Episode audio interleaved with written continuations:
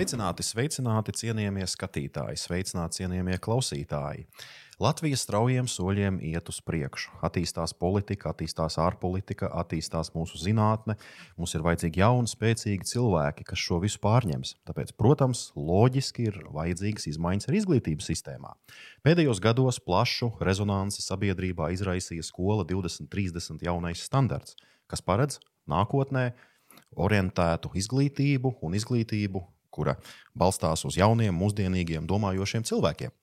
Ir diezgan daudz sarunas par to, ka iespējams standartā kaut kas īsti nav kārtībā. Ir sarunas par to, ka skolotāji nevienmēr saprot, kas šajā standartā ir rakstīts.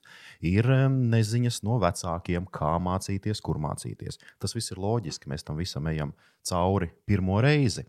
Bet eh, pateicoties studentiem, pateicoties projektam Make It, mēs uzsākam jaunu raidījumu ciklu kas tieši orientēsies uz to, lai mēs ar speciālistu palīdzību varētu orientēties un saprast, ko tad nozīmē šīs tēmas, kas ir iekļautas skolā 2030.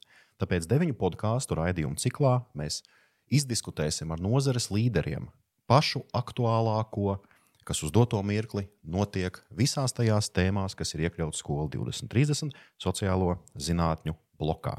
Mans vārds ir Edgars Čerkovskis, un es būšu ar jums kopā visus šos deviņus raidījumus. Šodien mums ir tiešām paveicies, un e, mūsu tēma ir starptautiskās attiecības, ārpolitika un globalizācija. Un pie mums, pēc manām domām, ir fantastisks cilvēks ar fantastisku amatu. Es biju starā, kad to izlasīju.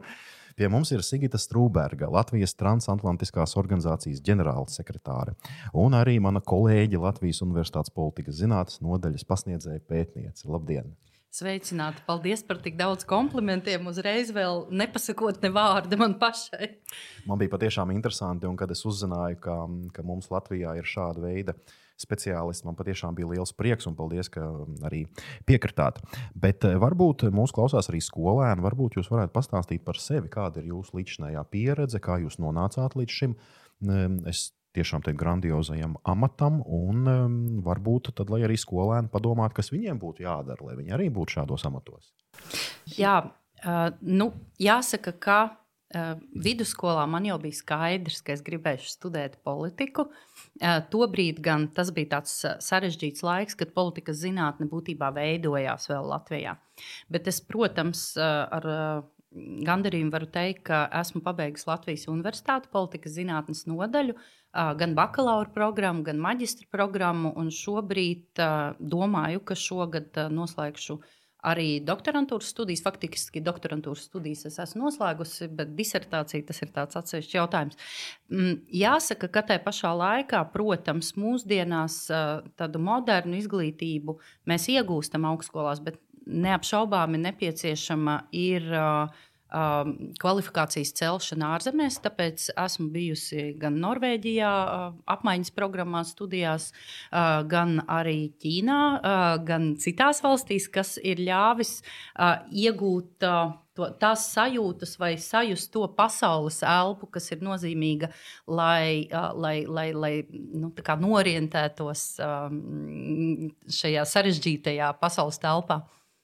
Man ļoti patīk tā, tā pieredze, ko jūs arī minējāt, un es eh, pēc izglītības esmu ekonomists.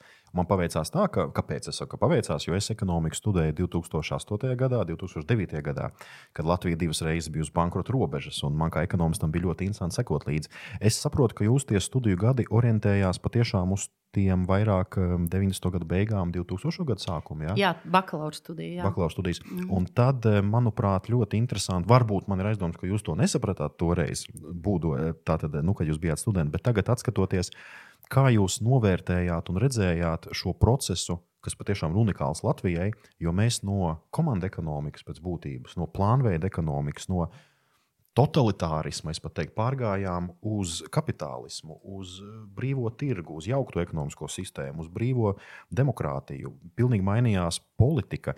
Daudzi kritizē, ka kaut kas ir uz doto mirkli slikts, bet tomēr tie ir tikai 30 gadi. Kā jūs vērtētu to no malas šo procesu? Kas ir veiksmīgs, kas nav tik veiksmīgs. Jā, nu redziet, jūs ļoti uh, pamatot norādījāt par šo atskatu no mm -hmm. šūs, šīs dienas augstumiem.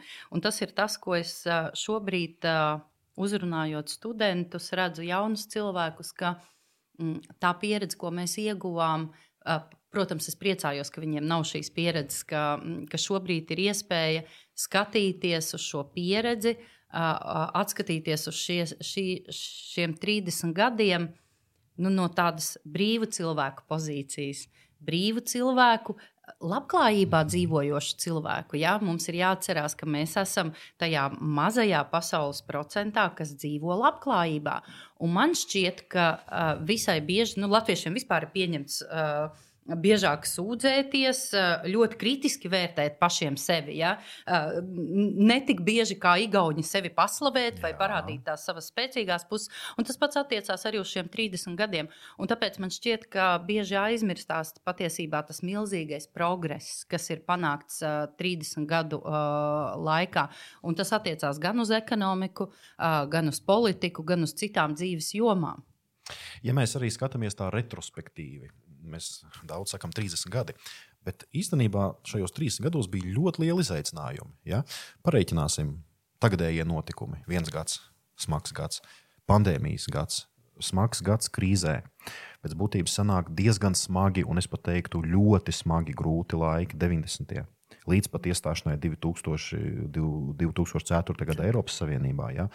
Nu, varbūt nav tā, ka tā, tā mūsu tā, tāda izteikta dzīve, tādā vieglā līmenī orientējās uz tiem saucamajiem trekniem gadiem. Jo, ja mēs atceramies, kas šajos gados ir noticis, tad atcerieties, 2009. gads, ja, um, Latvija patiešām ir uz um, nopietna ekonomiskās uh, krīzes um, sabrukšanas sliekšņa es atceros tos streikus, kas notika 2009. gada 13. janvāris. Mm -hmm. Es, ne, ne, mums tagad klausās arī skolēni, bet es, neats, es nekad neaizmirsīšu tās emocijas. Mēs eh, toreiz dejoju tautas dēļa ansamblī liesma, un mums eh, pārtrauca nodarbības, tāpēc, ka bija izsludināta ārkārtas situācija tajā brīdī. Ja?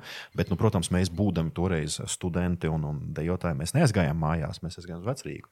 Un tas bija tieši tad, kad viss jau bija beidzies, un tad, kad es redzēju tās iznīcinātās mašīnas, tad, kad es redzēju saimā izsisti logi, izsisti stikli. Nu, man bija par ko aizdomāties. Ja? Un tad, tajā brīdī, es tā ļoti nopietni pievērsos arī ekonomikai Jo tad es sapratu, cik, um, cik vispār mūsu dzīve ir atkarīga no ekonomikas, no dzīves līmeņa, jo cilvēkiem tas bija tāds pietiekami liels izmisums. Kā jūs patiešām raksturot, vai tiešām viņi bija tik smagi? Jo īstenībā, ja es atskatos, man liekas, ka mums tā, nu, tā labi padzīvojam ap simt gadi un ar tiem trakniem gadiem. Ja? Nu, redz, man, liek, jā, nu, man liekas, ka viss ir, um, ziniet, iepazīstams, ar visu to var iepazīties salīdzinājumā. Mm. Jo mm, faktiski, ja mēs, eh, nu, teiksim, ja mēs salīdzinātu savu ceļu ar, piemēram, Moldovas ceļu, ja, Jā. tad, protams, ka mums ir bijis salīdzinoši viegli. Bet tajā pašā laikā mēs varam sevi salīdzināt arī ar eh, citām valstīm, kas ir bijušas varbūt ne padomju savienībā, bet bijušas uh, satelītu valstis, kam tas ceļš ir bijis vienkāršāks. Uh, tāpēc uh, šīs krīzes uh, un sarežģījuma pārvarēšana ir, pareizāk tā uztvere par to sarežģījumu pārvarēšanu ir ļoti tāda subjektīva lieta. -hmm. Un faktiski, starp citu, politikas zinātnē pēta arī šo subjektīvo uztveri. Ja? Jā. Kā tad mēs vērtējam tos vai citus notikumus? Un man šķiet, ka mm, jūsu 2009. gada piemērs ir tāds ļoti spilgts, -hmm. jo arī tas zināmā mērā ataino šo mūsu subjektīvo uztveri, ņemot vērā, ka kopumā, ja mēs atskatāmies šajos 30 gados, cik tad ir bijuši tādi nemieri vai lielas mhm. protesta akcijas. To ir bijis maz, kas ir saistīts ar to, kā, kā, kā latvieši uztver. Uh, politisko dzīvi, iesaisti politiskajā dzīvē. Mums tādas protestu kultūras nemaz nav.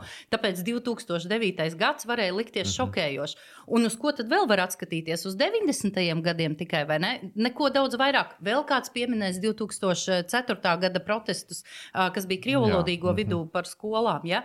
Bet savādāk paskatoties, kopumā tas tiešām ir saistīts ar to, kā mēs uztveram to vai citu turbulenci. Un šai ziņā ir jāsaka, ka mēs dzīvojam salīdzinoši tādā mierīgā valstī.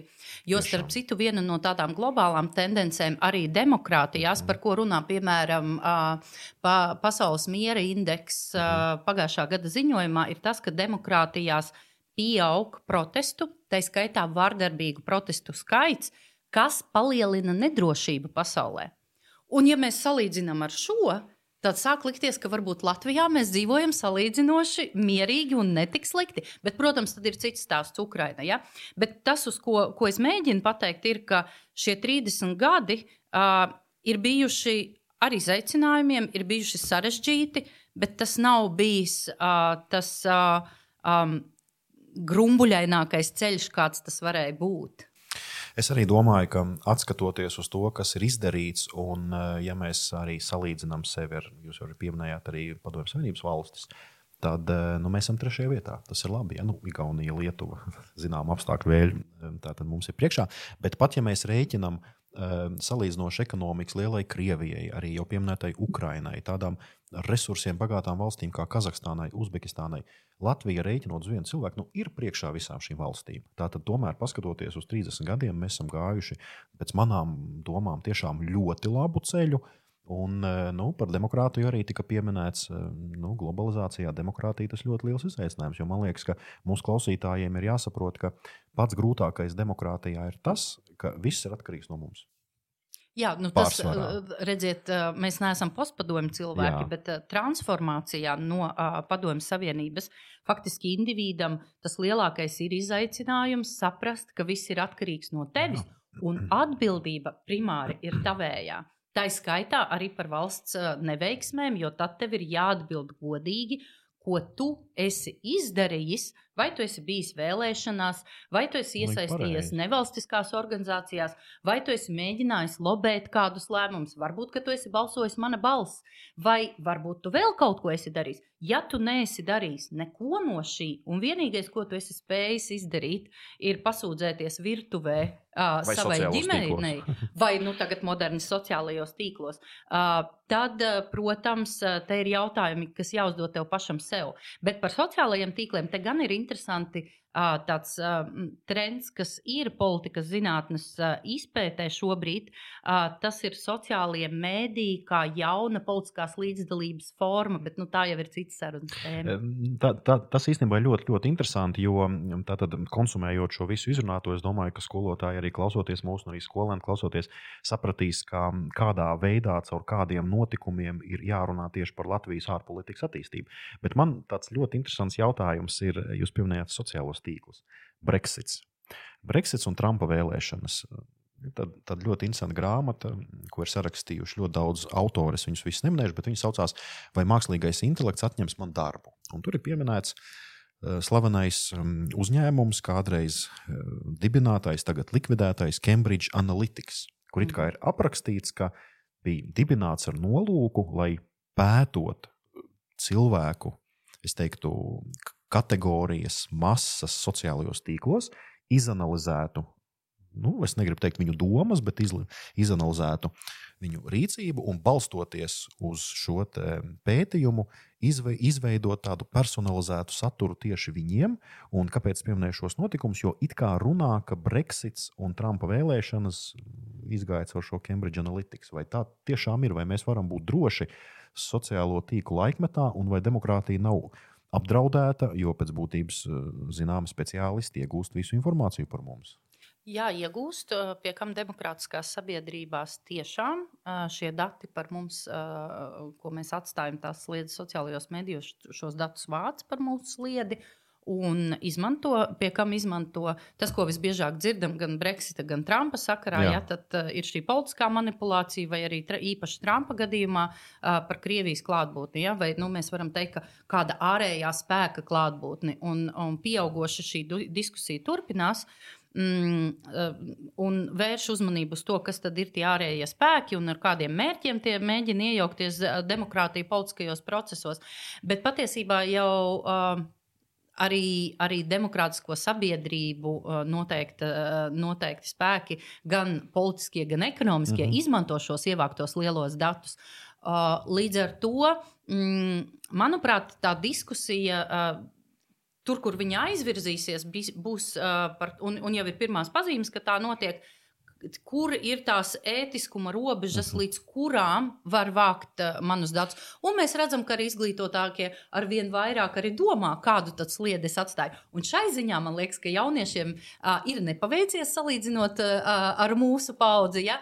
To, ko mēs ar jums darījām uh, vidusskolas laikā, ja?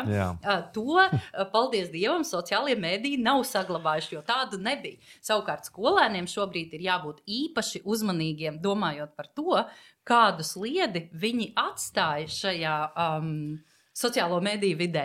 Ne tikai skolēniem, bet arī skolotājiem, arī mums. Jā. Un es dažreiz arī skatoties uz dažiem saviem ierakstiem pirms četriem, pieciem gadiem, es domāju, nu, kur man toreiz bija prāts kaut ko tādu publicēt, ja tomēr mainās. Tā, tas tiešām ir ļoti, ļoti interesanti. Un patiešām man liekas, ka eh, skatoties tādu retrospekciju, skolotājiem var rasties ļoti daudz idejas. Tikai eh, man tāds lūgums eh, skolotājiem mēģiniet caur šiem piedzīvotiem notikumiem, caur emocijām pastāstīt jauniešiem, jo ļoti daudz kas aizmirstās. Es ļoti labi atceros arī savas eh, studijas, un patiešām ļoti daudzi eh, pasniedzēji stāstīja, cik smagi bija 90. gados, ja, kad bija, man tāda arī savulaik bija laba pasniedzēja Birta Brangule, mikro un makroekonomikā. Viņa stāstīja, ka studenti ģība lekciju laikā, jo viņiem nebija ko ēst, un bija mm. augsti un atslēgts, un viss, mm. viss bija atslēgts siltums. Ja mēs izgājām cauri retrospekcijai, tomēr tagadējie jaunieši arī ir es teiktu, iekļaut vienā ļoti svarīgā notikumā. Sauksim lietas īstajos vārdos, notiek karš tepat pie mūsu robežām. Ehm, pirmais būtu laikam tāds praktiskais jautājums. Kā jūs raksturotu šo situāciju? Kā mēs līdz tam nonācām, kā tas veidojās, un varbūt arī kas mūs sagaida tuvākajā laikā tieši no jums, kā no speciālista viedokļa? No mana viedokļa šajā situācijā mēs esam nonākuši vairāku iemeslu dēļ. Bet tas nozīmīgākais iemesls, ko es šodien gribētu pasvītrot, ir rietumu apcerīgā domāšana. Uh -huh. uh, tas, ka faktiski rietumi ilgstoši nevēlējās ieraudzīt to draudu, kas kopš 90. gadu sākuma auga Krievijā. Faktiski, ta, ja mēs atsakojam uh, gan Krievijas retoriku, gan arī notikumus Krievijā, nu, vis, vi, tur bija visas pazīmes. Uh, un pat Putina runas, ja, ja viņas jau pat uzmanīgi, sākotnējā posmā, nu, ja, jau, kad jau viņš nu, redz, jau pārņēma. Redz, par sākotnējo posmu tur ir diskusijas. Mm -hmm. Tāpēc, ka daļa pētnieku uzskata, ka Putins sākotnēji bija pro-eiropeisks. Bet no otras puses, es atvainojos Putina, Putina tātad, prezidentūras sākumā. Vēl pat pirms viņš kļuva prezidents, parādījās Čečenijas kara jā, jā, jautājums jā, jā, un tā tālāk. Līdz ar to bija jau pirmās pazīmes, un tad uzmanīgāk skatoties tās runas un tās uh, iekšējās struktūrālās izmaiņas, kas notika Krievijā, nu, tur viss liecināja par, par, par, par, par, par virzīšanos. Uh, no demokrātijas ideāliem, kuri pat tā arī neatnāca līdz Krievijai. Ja? Uz, un tālāk jau notika arī šī, šī institūciju maiņa, pārveidojot to par autoritārismu, plus vēl tā agresīvā retorika, imperialistiskā domāšana, tas jau nekur nebija pazudis. Uh, Jautājums ir par to, vai to vēlējās ieraudzīt. Baltijas valstis par to runāja. Runāja daudz. Es atceros sevi 2016. gadā, kādā starptautiskā pasākumā, man liekas, ka pat tas bija Pekinā, mhm. starp citu. Kad uh, Slovāku kolēģi man jautāja, klausieties, ne Slovēņi, piedodiet, klausieties, Baltieši, nu, mums liekas, jūs kaut kādi tādi schizofrēniski esat. Nu, cik jūs varat stāstīt par Krievijas draudu? Nu, jā, nomierinieties nu, jā, jau vienreiz. Jā, jā. Bet nu, tad redz, ka nu, mēs eh, ir nepatīkami to teikt mūsu partneriem, bet piedodiet, mēs neesam bijuši schizofrēniski. Ja? Mums ir mūsu pieredze, ar ko starp citu mēs esam īpaši, ka mēs uh, saprotam šo austrumu kaimiņu labāk uh, nekā rietumnieki. Bet faktiski, ta, uh, atgriežoties pie tā pamatpunkta, es tiešām uzskatu, ka tieši rietumu apcerīgā domāšana Un domājot par, par, par veidu, kā uz, uz, skatīties uz starptautiskajām attiecībām, tas veids, kā rietumi bija ieraduši skatīties uz uh, globālo sistēmu un starptautiskām attiecībām, faktiski noveda pie šī kļūdainā skatījuma, kas ļāva Krievijai attīstīt savu agresiju. Uh, kā rezultātā faktiski karš Ukrainā ir tikai likumsakarība, būtībā notikumu ķēdē. Ja? Kaut kā ļoti viegli rietumi atgriezās pie biznesa as usual ar Krieviju pēc Grūzijas kara. Mm -hmm. kad Grūzijai pat nepajautāja par pamieru, ja, un tā tālāk. Jā. Un tas ir tas būtiskais, ko, ko vajag atcerēties par karu Ukrajinā. Un tad šobrīd, tālāk domājot par to, ka, kā, ir, kā vajadzētu skatīties uz notikumiem, manuprāt, ir būtiski turpināt pasvītrot, ka par Ukrajinu bez Ukrainas mēs nerunājam. Tas mhm. ir vēl viens fundamentāls punkts, lai apstādinātu šo imperialismu pieeju, kas no, eh, pretējā gadījumā, zināmos apstākļos, var apdraudēt arī mūsu valsts. Tas ir, manuprāt, ļoti precīzi arī teikts. Un, starp citu, ja nešaubos, Egīls Levits arī lietoja frāzi, mēs sen brīdinājām, kas ir Krievija. Mēs zinām Krieviju. Ja? Viņš to Jā. nesen arī bija teicis. Bet varbūt es kā diletants šajā jomā, man likās, tad, kad tas viss sākās jau 2014. gadā, jau ar Krīmu, un, protams, ka mēs to ļoti labi zinām, ka tas nav tikai tagad, kad arī tas konflikts bija. Bet man tā skatoties no malas, man likās, ka sākotnēji pēc Padomju Savienības sabrukšanas Eiropa un, un, un Krievija aizgāja diezgan pareizu ceļu. Tas bija mans skatījums, jo tāpēc arī mēs sākām veidot šos visus ilgtermiņa projektus. Man liekas, Boris Jelcins izteikts demokrāts sākotnējā vismaz posmā.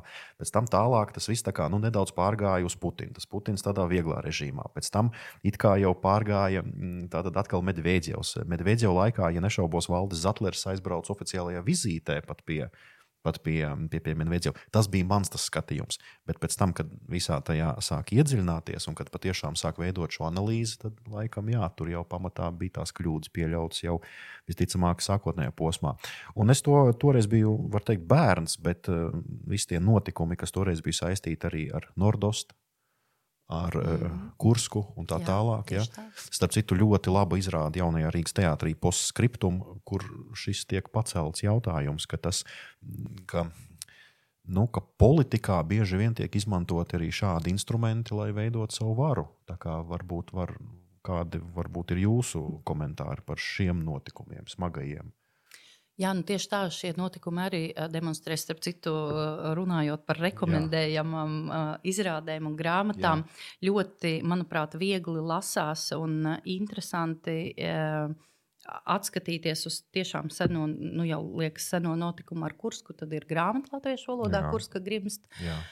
Vai ne? Un vēl viens, ko es noteikti ieteiktu, ko starp citu es izmantoju arī studijās, un skolotāji varbūt Jā. var izmantot arī nodarbību laikā, uh, mm, ir tāda dokumentālā filma, kas saucās uh, Ziema ugunīs, jeb -hmm. Winter on Fire, kas uh, ir par Maidenu notikumiem, kas, uh, kas, kas arī diezgan tā spilgti emocionāli mhm. uzrunā, kā jūs pieminējāt. Jā, jā. Bet atgriežoties pie jautājuma par tiem notikumiem, nu, protams, uh, kā jau es teicu, ir vairāki tādi zīmīgi notikumi, gan jūs pieminētie, uh, klasiski starptautiskajās attiecībās uh, eksperti noteikti vienmēr piemin arī uh, Putina 2007. Mm -hmm. gada uh, runu. Ja? Jā klasisko, kurā viņš teica, ka, mm, ka faktiski PSRS sabrukums ir uh, lielākā ģeopolitiskā kļūda. Mhm. Tas, uz ko starp citu rietumi apcerīgi domājot, uh, turpināja kā mantru atkārtot, bija, ka pēc tam taču Putins teica, ka tikai muļķis var vēlēties uh, atjaunot Padomu Savienību. Bet tagad mēs redzam, ka faktiski Putins jau um, un, un ar Krievijas tautas atbalstu, un šeit es gribētu pasvītrot, domājot par, par, par, par apstākļiem, kas, ar ko mēs sastopamies, ir tas, ka. Mm, Putina ambīcija, faktiski viņš sevi pielīdzina Pēterim pirmajam. Jā, jā, jā, jā. Un, un te ir tas saudabīgais sajaukums ar, ar, ar, ar, ar to padomisko uztveri un, un, un, un, un carisko, tāda saudabīga spēle. Un līdz ar to viņš pat neiet sev pretrunā. Ja? Viņš turpina to, par ko viņš runā jau ļoti daudzus gadus, un to, ko viņš ir darījis jau kopš, kopš, kopš nu, tādiem, nu, jau jāsaka, daudziem gadiem. Jā, tas laikam patiešām pierāda to, ka slikta demokrātija ir krietni labāka par labu autoritārismu. Ja? Jā, bet tai pašā laikā, domājot par Krieviju, viena no lielajām bažām, kas šobrīd, starp citu, ir tā, ka kas tad būs tā pēc, pēc Putina Krievija. Jā, un starp citu, uz to gan atsaucās, ka ārkārtīgi novājināta uh, hibrīda demokrātija bez līdera. Uh, šāda Krievija varētu būt bīstama tajā aspektā, un starp citu par, par zīmīgajiem notikumiem. Tas ir tas, par ko baidījās 90. gados rietumi, ka šāda valsts ar uh, zakšanas kultūru, ar milzīgu korupciju, ar terorisma problēmām un tā tālāk, iespējams, noteiktos apstākļos var kļūt vēl bīstamāka. Nu, kaut vai uh, tiek lietots tas pats kodoldraudu piemērs, ja, ka iedomājieties valstī, kurā zog, uh, kurā nav kontroles. Mēs redzam, ja bruņojuma jā, jā, jā, problēmas Krievijā, Ukraiņas kara kontekstā, ka šāda Krievija patiesībā globāli var būt iespējams pat bīstamāka. Es arī, mūsu arī tēma, protams, arī ir ļoti svarīga šajā jomā, ir kodolkarš. Ja? Tikko, tikko nesen Latvijas televīzijā parādījās filma. Nepateikšu, kā viņi sauc, bet par šo notikumu. Un šajā dokumentālajā filmā bija minēts, ka Boris Džonsons atklāja, ka Putins esot viņam uh, draudējis ar triecienu pa Londonu. Ja? Tas vispār man tas neiet kopā, es to nevaru saprast. Un, manuprāt, tas pats bīstamākais ir, ka viņi ļoti labi atbalsta tautu. Ja, viņi to grib, jo tā lielākā problēma ir, ka atkal caur šo masu propagandu ir izveidojusies tā domāšana Krievijā, ka viņi ir paši labākie, ka viņiem viss ir labi, neskatoties to, ka tie apstākļi ir drausmīgi. Ja. Tad te atkal ir tas milzums lielais izaicinājums saprast, ka mums ir jābūt kritiski domājošiem, ka mums ir jāizvērtē. Ja, jo nu, būsim laikam realistiski, nu, liela daļa, miljoni ir tomēr no Krievijas aizbraukuši prom. Tātad tā visticamāk ir arī nu, tā var, varbūt teikt, domājošā daļa. Kā jūs uz to skatāties? Un, un, un, un pēc tam mēs atgriezīsimies arī pie jautājuma, jo man ļoti interesē atkal divi scenāriji no jums, kā no speciālista. Kas notiks ar Ukrajinu? Eiropas kontekstā. Un, un kā tad tomēr varētu izskatīties tā Krievijas nākotne? Bet varbūt nedaudz par to kritisko domāšanu, par to propagandu. Par kritisko domāšanu un propagandu. Um, Nu, manuprāt, būtiski, šis ir tāds fundamentāls jautājums, kam pilnīgi noteikti ir jābūt izglītības saturā. Bet vienlaikus es uz to neskatītos kā uz mhm. universālām zālēm, un es arī pateikšu, kāpēc. Ja mēs paskatāmies uz ASV piemēru, kritisko domāšanu un mediju pratību, ASV māca ļoti daudzus gadus. Tā pašā laikā atgriezīsimies pie Trumpa. Un tad, kad Covid sākumā Trumps teica, ka vajag dabūt kaut kā iekšā sevī dezinfekcijas līdzekļu, uh mhm. -huh pilnīgi katrā štatā bija kāds, kas vai nu injicēja sev dezinfekcijas līdzekļus, vai iedomājās iedzert dezinfekcijas līdzekļus un tā tālāk. Tāpēc no vienas puses, pilnīgi noteikti tam ir jābūt izglītības saturā, Jā. lai, lai jaunais cilvēks, un es teiktu, pieaugušais cilvēks, tai ir jābūt mūža izglītībai, mhm. lai spētu orientēties informācijas telpā. Atkal jau iespēja robežās, jo te ir virknes slazdu arī, arī augstu izglītotiem cilvēkiem, bet te pašā laikā es būtu visai kritiska par to, ka Nu, es tiešām nedomāju, ka tas var atrisināt visas problēmas saistībā ar informācijas uztveri, apstrādi un tā tālāk. Bet neapšaubāmi tas, tā, tā, nu, tāda ikdienas higiēna ir tas, kam, mhm. ka, kam ir, kam ir, jā, kas ir jābūt skolā. Un uh, kas pēc tam ir arī jāpraktizē. Nu, tā skaitā, paskatoties, ko es šēroju, ka, kas ir, kas ir tie emocionālais, Tiešām, kas jā. mani uzrunā. Un, kāpēc, un, un, un svarīgi atbildēt sev, kāpēc man ir atnākusi tieši šī informācija, nevis cita, ko es esmu izdarījis, lai savā ziņu lentē saņemtu tieši to, ko es saņemu. Jā, personalizētā informācija, filtra burbuļi, no tā arī tieši ļoti tā. jāuzmanās. Tas ir ļoti sarežģīti, ja, jo pēc tam tā informācija pēc būtības mākslīgais intelekts mums pasniedz šo informāciju, kā mēs runājam, uz to, ko mēs paši mm -hmm. esam meklējuši, skatījušies. Starp citu, šai ziņā, ziņā, jūs zināt, ir ļoti interesanta praksa, ko es zinu, ka mani kolēģi ir darījuši, un es esmu mēģinājusi arī darīt. Um, ja tev ir divas dažādas ierīces, -hmm. un mums pamatā ir visiem divas dažādas ierīces, un starptautiskā skolēni to arī var patrenēties. Vienā ierīcē, sociālajos tīklos, pameklēt viena veida informāciju, un otrā ierīcē pretēju. -hmm. Un pēc tam nedēļas garumā vai ilgāk paskatīties, jā, jā, jā, kas jā. ir tas, ko man met ārā. Un, un ticiet man, tie rezultāti būs ļoti interesanti. Un vēl jau vairāk arī paskatieties Google, eh, uztaisiet Google arhīvu, paskatieties, kas tur ir. Šis patiešām bija ļoti labs, ka mēs caur šiem notikumiem varam saprast, ka eh, visi šie notikumi, smagie notikumi pēc būtības nāk no tā, ka cilvēki ir viegliprātīgi, varbūt pat, un arī kaut kādā brīdī neiesaistās. Un, un, un, un tā pašā brīdī arī nenovērš to visu un, un patiešām pakļaujas, kas, starp citu, bija salīdzinoši labi aprakstīts Džordža Orvela romānā 1984. 84. Es vienmēr jaucu 84, 85, 86. Bet 84 un vēl ir 84, Animal jā. Farm. Jā, dzīvnieku, ferma. Jā, Napoleons, Sniedziņš, un, un, un tur ir ko, ir ko Un- pamācīt. Jā, un daži dzīvnieki ir uh, līdztiesīgāki nekā pārējie, un tam līdzīgi klasika. jā. Viss ir vienlīdzīgi, bet daži ir vienlīdzīgāki. Tas tiešām ir, ir daudz arī in, in, interesanti. un Man liekas, ka tiešām arī skolotāji var šajos, šajos notikumos daudz paņemt ne tikai no sociālām zinātnēm, bet arī literatūras kontekstā var daudz ko paskatīties tā tālāk. Ukraina. Man eh, tas ir eh, tiešām e- emocionāls jautājums, jo man bija ļoti daudz sadarbības projektu ar Ukrajinu. Es bieži braucu uz Ukrajinu, kad es eh, redzu tos kadrus, kas ir Kijevā. Tas ir nu, arī tā, es teiktu, emocionāli grūti. Ja? Kā jūs redzat Ukrainas attīstību tuvākajā laikā? Kā jūs to mm, skatītos no politikas viedokļa? Varbūt ne no militarizācijas, bet, manuprāt, Ukraina ir izveidojusi tādu ļoti spēcīgu pamatni, lai nākotnē un tuvākajā nākotnē kļūtu par ļoti spēcīgu valsti. Es Kā jūs laikam- iezīmētu viņu ceļu šajā gadījumā? Jā, es laikam nevarēšu dalīties ne? jūsu optimismā. Jā, Uh, vairāku iemeslu dēļ. Uh, Es piekrītu par to, ka Ukraiņas karš ir izveidojis uh, gan spēcīgu mm -hmm. nāciju.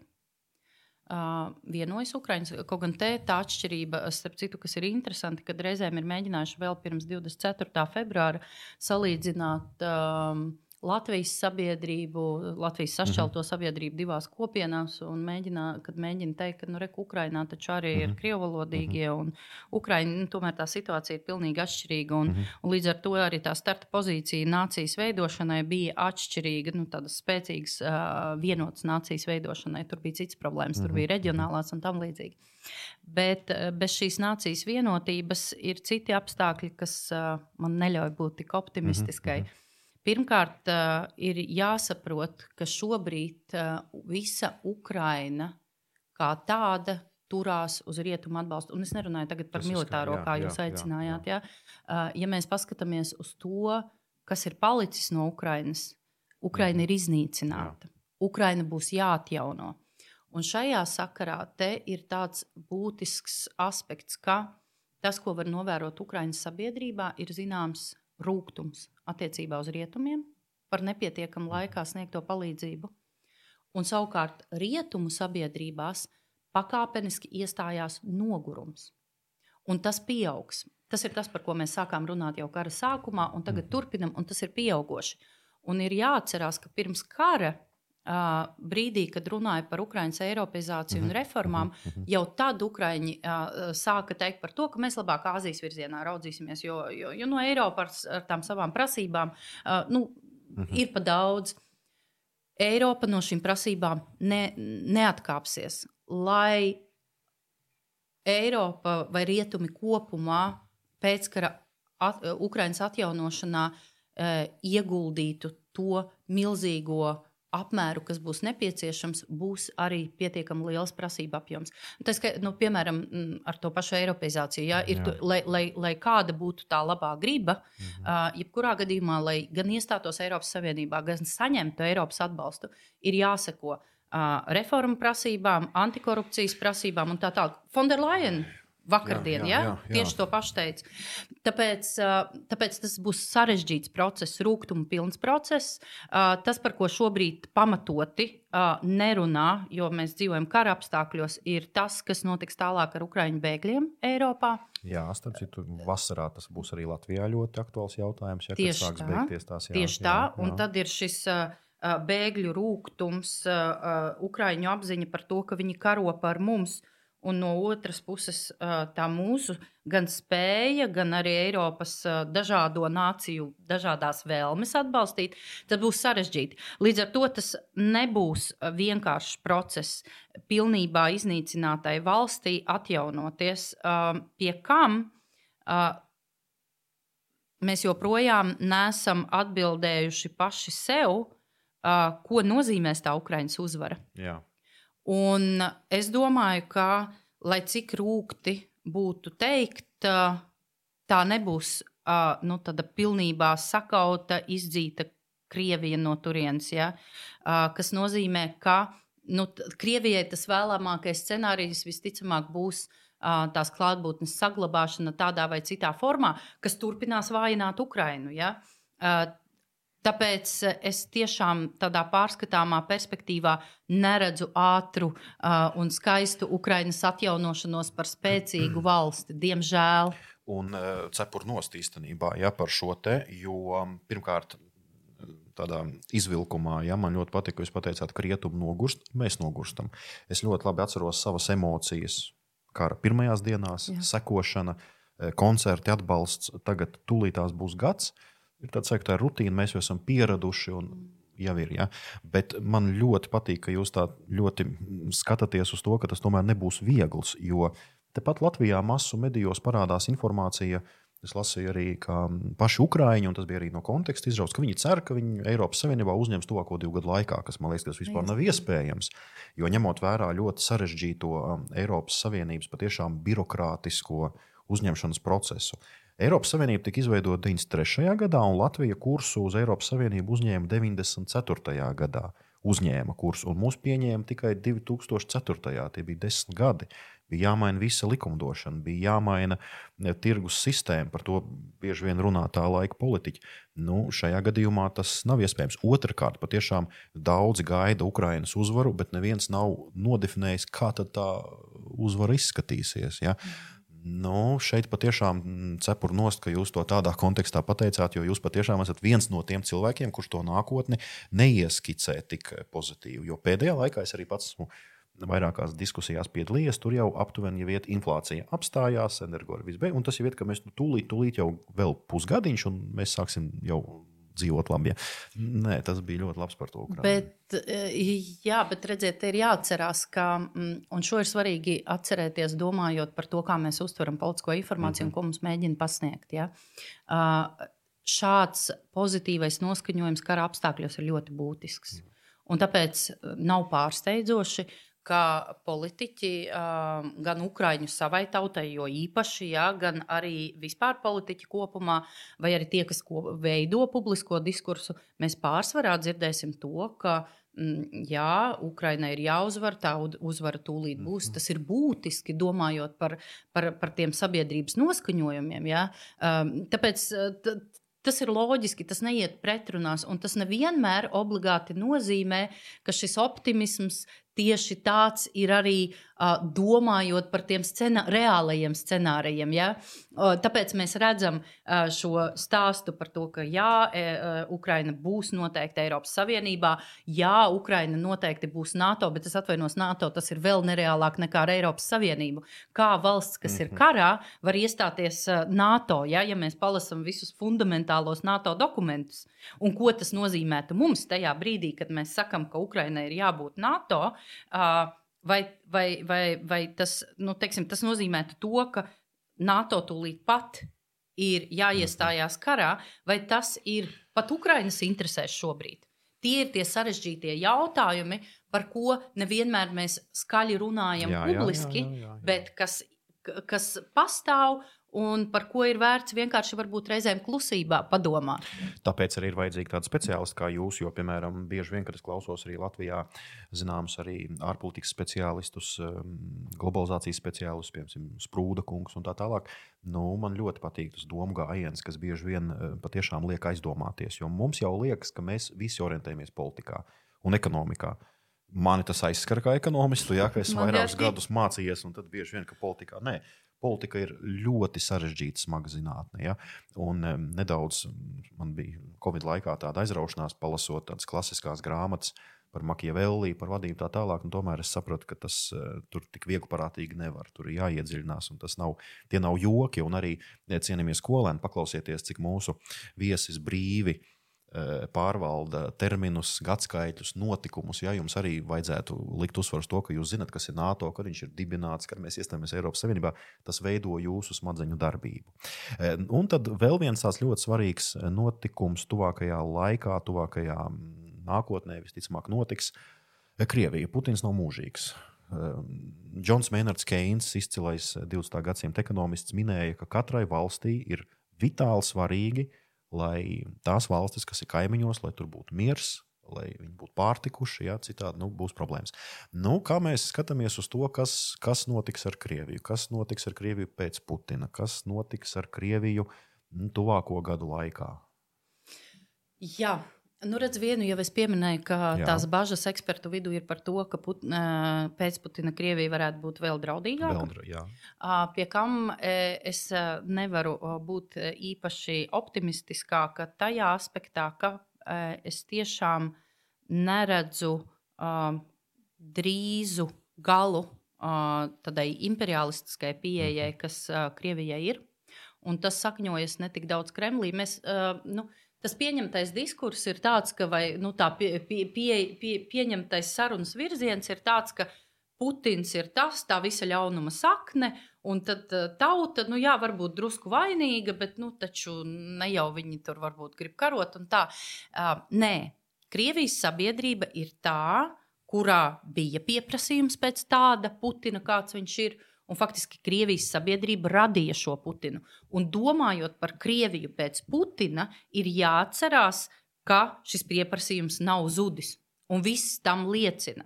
Starp citu, ja, sko, ja, ja skolēns interesē aprēķini, un starp citu, politologam, ja viņš māca rēķināt, tad ir vispār brīnišķīgi. Tie aprēķini liecina, ka Krievijā, lai mainītu Kremļa galvu, vajadzētu tikai 30% pilsētu iedzīvotāju iziet uz ielām.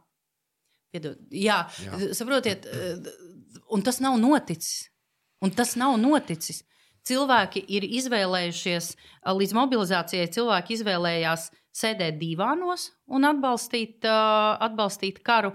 Tie, kas, tie, kam lika piecelties no divāniem un mobilizēties, daļa aizbēga, bet atcerēsimies par to lielo daļu, kas tika mobilizēta. Ja?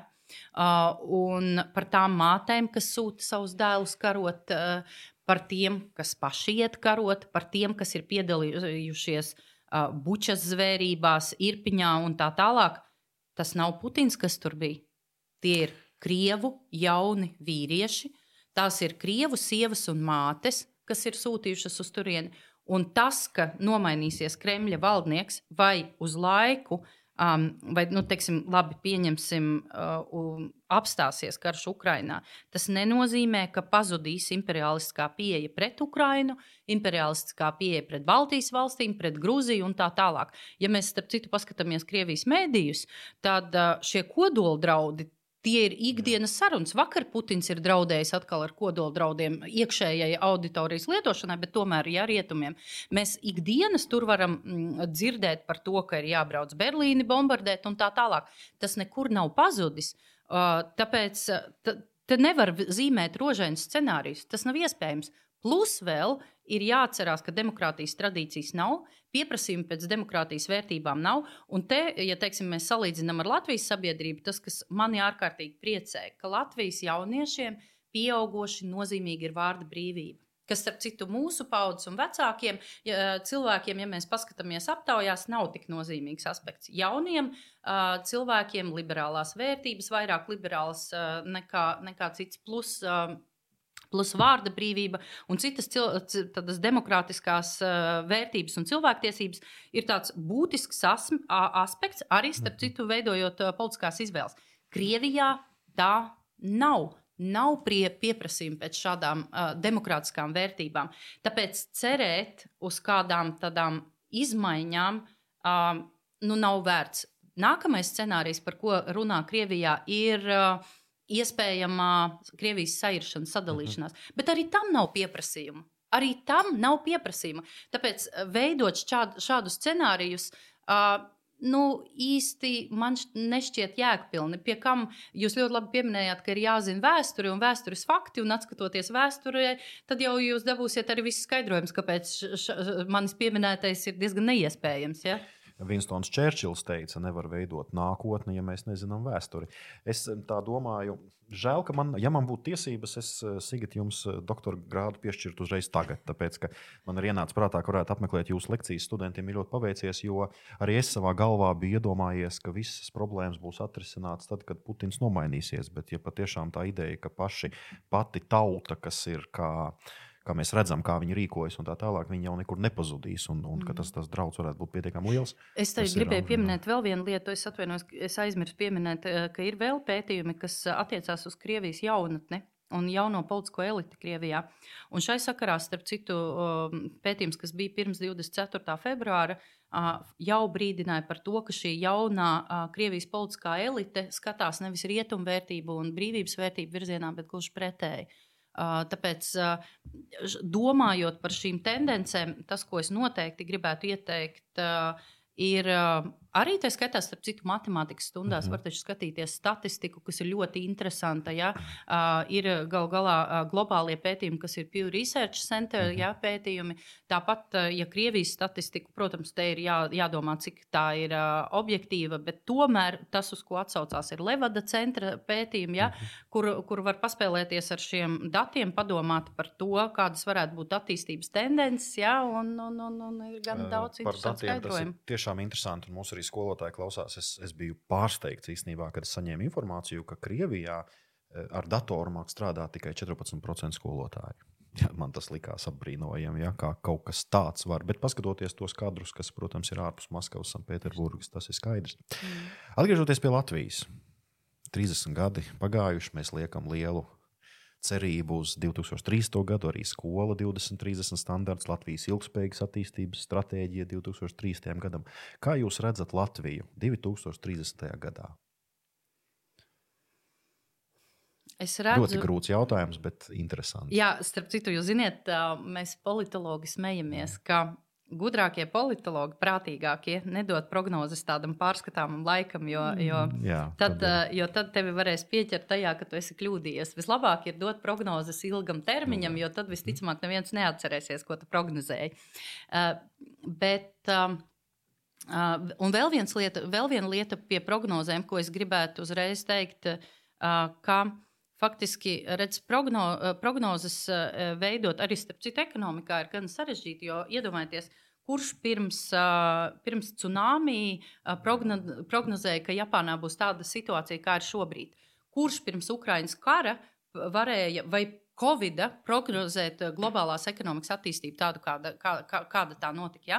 Tātad faktiski prognozes mēs varam būvēt tad, ja uh, viss ir lineārs. Nu, ka nav nekāda satricinājuma. Ja? Bet paredzēt to nevar. Tāpēc politologiem ir dubultā grūti. Uh, bet, uh, bet atgriežoties pie, pie, pie jautājuma, uh, tad uh, tas, kā es redzu uh, Latviju, ir demokrātisku uh, valsti, daļu no rietumu saimes. Uh, tas, kas mani priecē šajā periodā, ka Baltijas valstis un jo īpaši Latvija ir spējušas parādīt līderību ne tikai Eiropas Savienībā, bet arī nu, tādā rietumu kopienā. Es ceru, ka mēs šo līderību turpināsim arī pēc astoņiem gadiem. Es ticu, ka arī mūsu ekonomiskā attīstība uh, turpināsies. Es neredzu šobrīd pamatu, bet jūs, kā ekonomists, mani Jā. varētu labot, vai ir pamats vai nav tādam spēcīgam izrāvienam. Es, es varbūt drīzāk to redzētu kā tādu stabilu, mērenu attīstību, un es ceru, ka savukārt sabiedrība attīstīsies balstoties nu, tādās atslēgas demokrātiskās vērtībās un manis jau pieminētās uh, izmaiņas mm, jauniešu uztverē par to, kas ir atslēgas vērtības, ka tās turpināsies. Un ka mēs tiešām uh, nonāksim līdz tai situācijai, ka tās vērtības, kas vecajās rietumu sabiedrībās ir tādas fundamentālas, uh, domājot par politiku, tā ir līdztiesība, līdzatbildība, līdzdalība. Būs tās fundamentālās vērtības, kur, par kurām mēs varēsim teikt, jā, tās ir arī mūsējās. Jā, mums tiešām ir ļoti daudz izaicinājumu arī runājot par šo sociālo sfēru. Jūs pieminējat tiešām līdztiesību, un tas, kas tagad mainās, arī ir arī izaicinājums. Tomēr ir arī nu, jautājums par dzimumiem, ja, kas arī teiksim, tuvākajā laikā būs pacelts. Es Bija vienā lekcijā, kur speciālists teica, ka Eiropā uz doto mirkli ir oficiāli reģistrēti astoņi dzimumi. Jā, es, kad mēs nu, bijām divi, bet tur, protams, iet, tas, tas ir arī ļoti interesanti. Kā mēs to, kā mēs to uztversim, un, un arī pasniedzējiem, skolotājiem ar to būs arī jāstrādā. Tas paliks aizvien, to jūs arī ļoti pareizi pateicāt. Nu, attiecībā jā, par to nākotnē skatoties eh, no ekonomiskā skatu punkta, jūs prasījāt par to izrāvienu. Izrāviens šajā gadījumā nav vajadzīgs, jo izrāviens mums bija 2006. un 2007. gadā kad bija tie saucamie traknie gadi, ar ko tas viss beidzās. Mēs zinām, mēs zinām ja? mums it kā iedeva iespēju, bet tajā pašā brīdī mēs viņu īpaši izmantojām. Tā kā man liekas, ka mēs salīdzinoši ejam labi, un es patiešām esmu, es neesmu tāds izteikts optimists, bet es vienmēr skatos loģiski un skatoties to, ko Latvija ir sasniegusi. Skatoties um, uz to, tagad ir dziesmu teju svētku gads. Ja?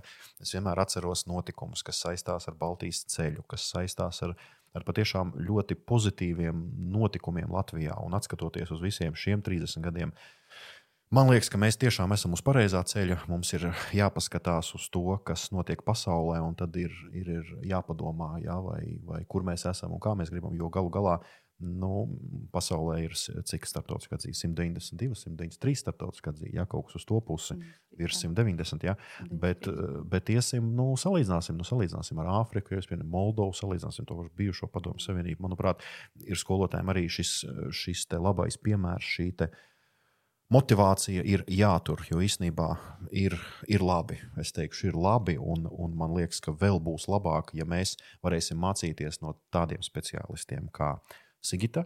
Un, ja skolotāji eh, centīsies šādas tēmas, starptautiskā attiecība, starptautiskās attiecības, ārpolitika un globalizācija pacelt augstākā līmenī. Nobeidzot, ko jūs novēlētu skolotājiem šajā smagajā tēmā, starptautiskās attiecības, ārpolitika un globalizācija, un ko jūs novēlētu skolēniem apgūstot šo tēmu? Um, nu, man gribētos teikt, ka neviena tēma nav sarežģīta, ja tai pieiet ar interesi un aizrautību. Un es vēlu uh, sajust uh, to nervu, kas tad ir. Jo ticiet man, tā, tā ir tāda bezgala interesanta uh, nozare, kas uh, aptver daudz un dažādus jautājumus, kurus, uh, kurus uh, ja tev ir šis, šī dzirksts, nav nemaz tik grūti. Bet tas ir kā jebkura nozara, nav tik grūti apgūt, ja ir tāds dzirksts. Tāpēc es novēlu skolotājiem šajā ļoti sarežģītajā laikā, viņiem pilnā izaicinājuma laikā. Atkal jau pārmaiņas, bet mēs visu laiku dzīvojam. Ziniet, saka, ka nekas nav patstāvīgāks kā pārmaiņas. Ja? Tad, tad šo dzirksti nezaudēt, runājot ar skolotājiem, skolēniem. Un skolēniem savukārt es vēlu atrast to, to, to, to tēmu, to dzirksti, kas tiešām aizrauja lai, lai, lai, lai, lai varētu sekot eh, tai savai sirdsbalsī, eh, būtu ļoti skaļi teikts, bet nu, tai savai aizrautībai. Jo tas tiešām dara tad, dzīvi un arī mācības krietni krāsaināku. Un tad, vai tās būs starptautiskās attiecības, ekonomika vai, vai kāda cita nozare, va, eh, tas jau vairs uh, nebūs tik svarīgi. Svarīgākais būs tas, ka jūs būsiet atraduši gan savu piepildījumu, gan arī noteikti, kas ir nozīmīgi, uh, būsiet atraduši veidu, kā būt noderīgi šai valstī, kas, manuprāt, ir ļoti nozīmīgi. Jo man, tas, ko man gribētos pasvītrot, kas man pietrūkst šajā, šajās daudzajās diskusijās, ir mūsu pašu kā pilsoņu līdzatbildība. Un te ir tas pats piemērs ar uh, valsts aizsardzības dienestu. Ja? Mēs tik daudz runājam, varēs aizstāvēt, nevarēs, NATO būs, nebūs. Uh, bet uh, tas fundamentālais jautājums, ko es mēģināju sev atbildēt, kad karš sākās, un sagaidu, ka arī mani, mani dēli atbildēs sev, ir par to, ka tas ir mans pienākums uh, aizstāvēt šo valsti, Tas ir mans pienākums uh, būt daļai no šīs valsts un piedalīties tās attīstībā. Ja mēs šo pienākumu neredzēsim, tad mums nevajadzētu sūdzēties par to, ka kaut kas nesanāk tā, kā gribētos. Man nav ko piebilst. Darbie klausītāji, starptautiskās attiecības, ārpolitika un globalizācija. Pie mums studijā bija Sigita Strūberga, Latvijas transatlantiskās organizācijas ģenerālsekretāre. Latvijas Universitātes politiskās zinātnes nodaļas pasniedzēja, pētniece un fantastiska arī profesionāla. Paldies, Sigita! Paldies! Jums.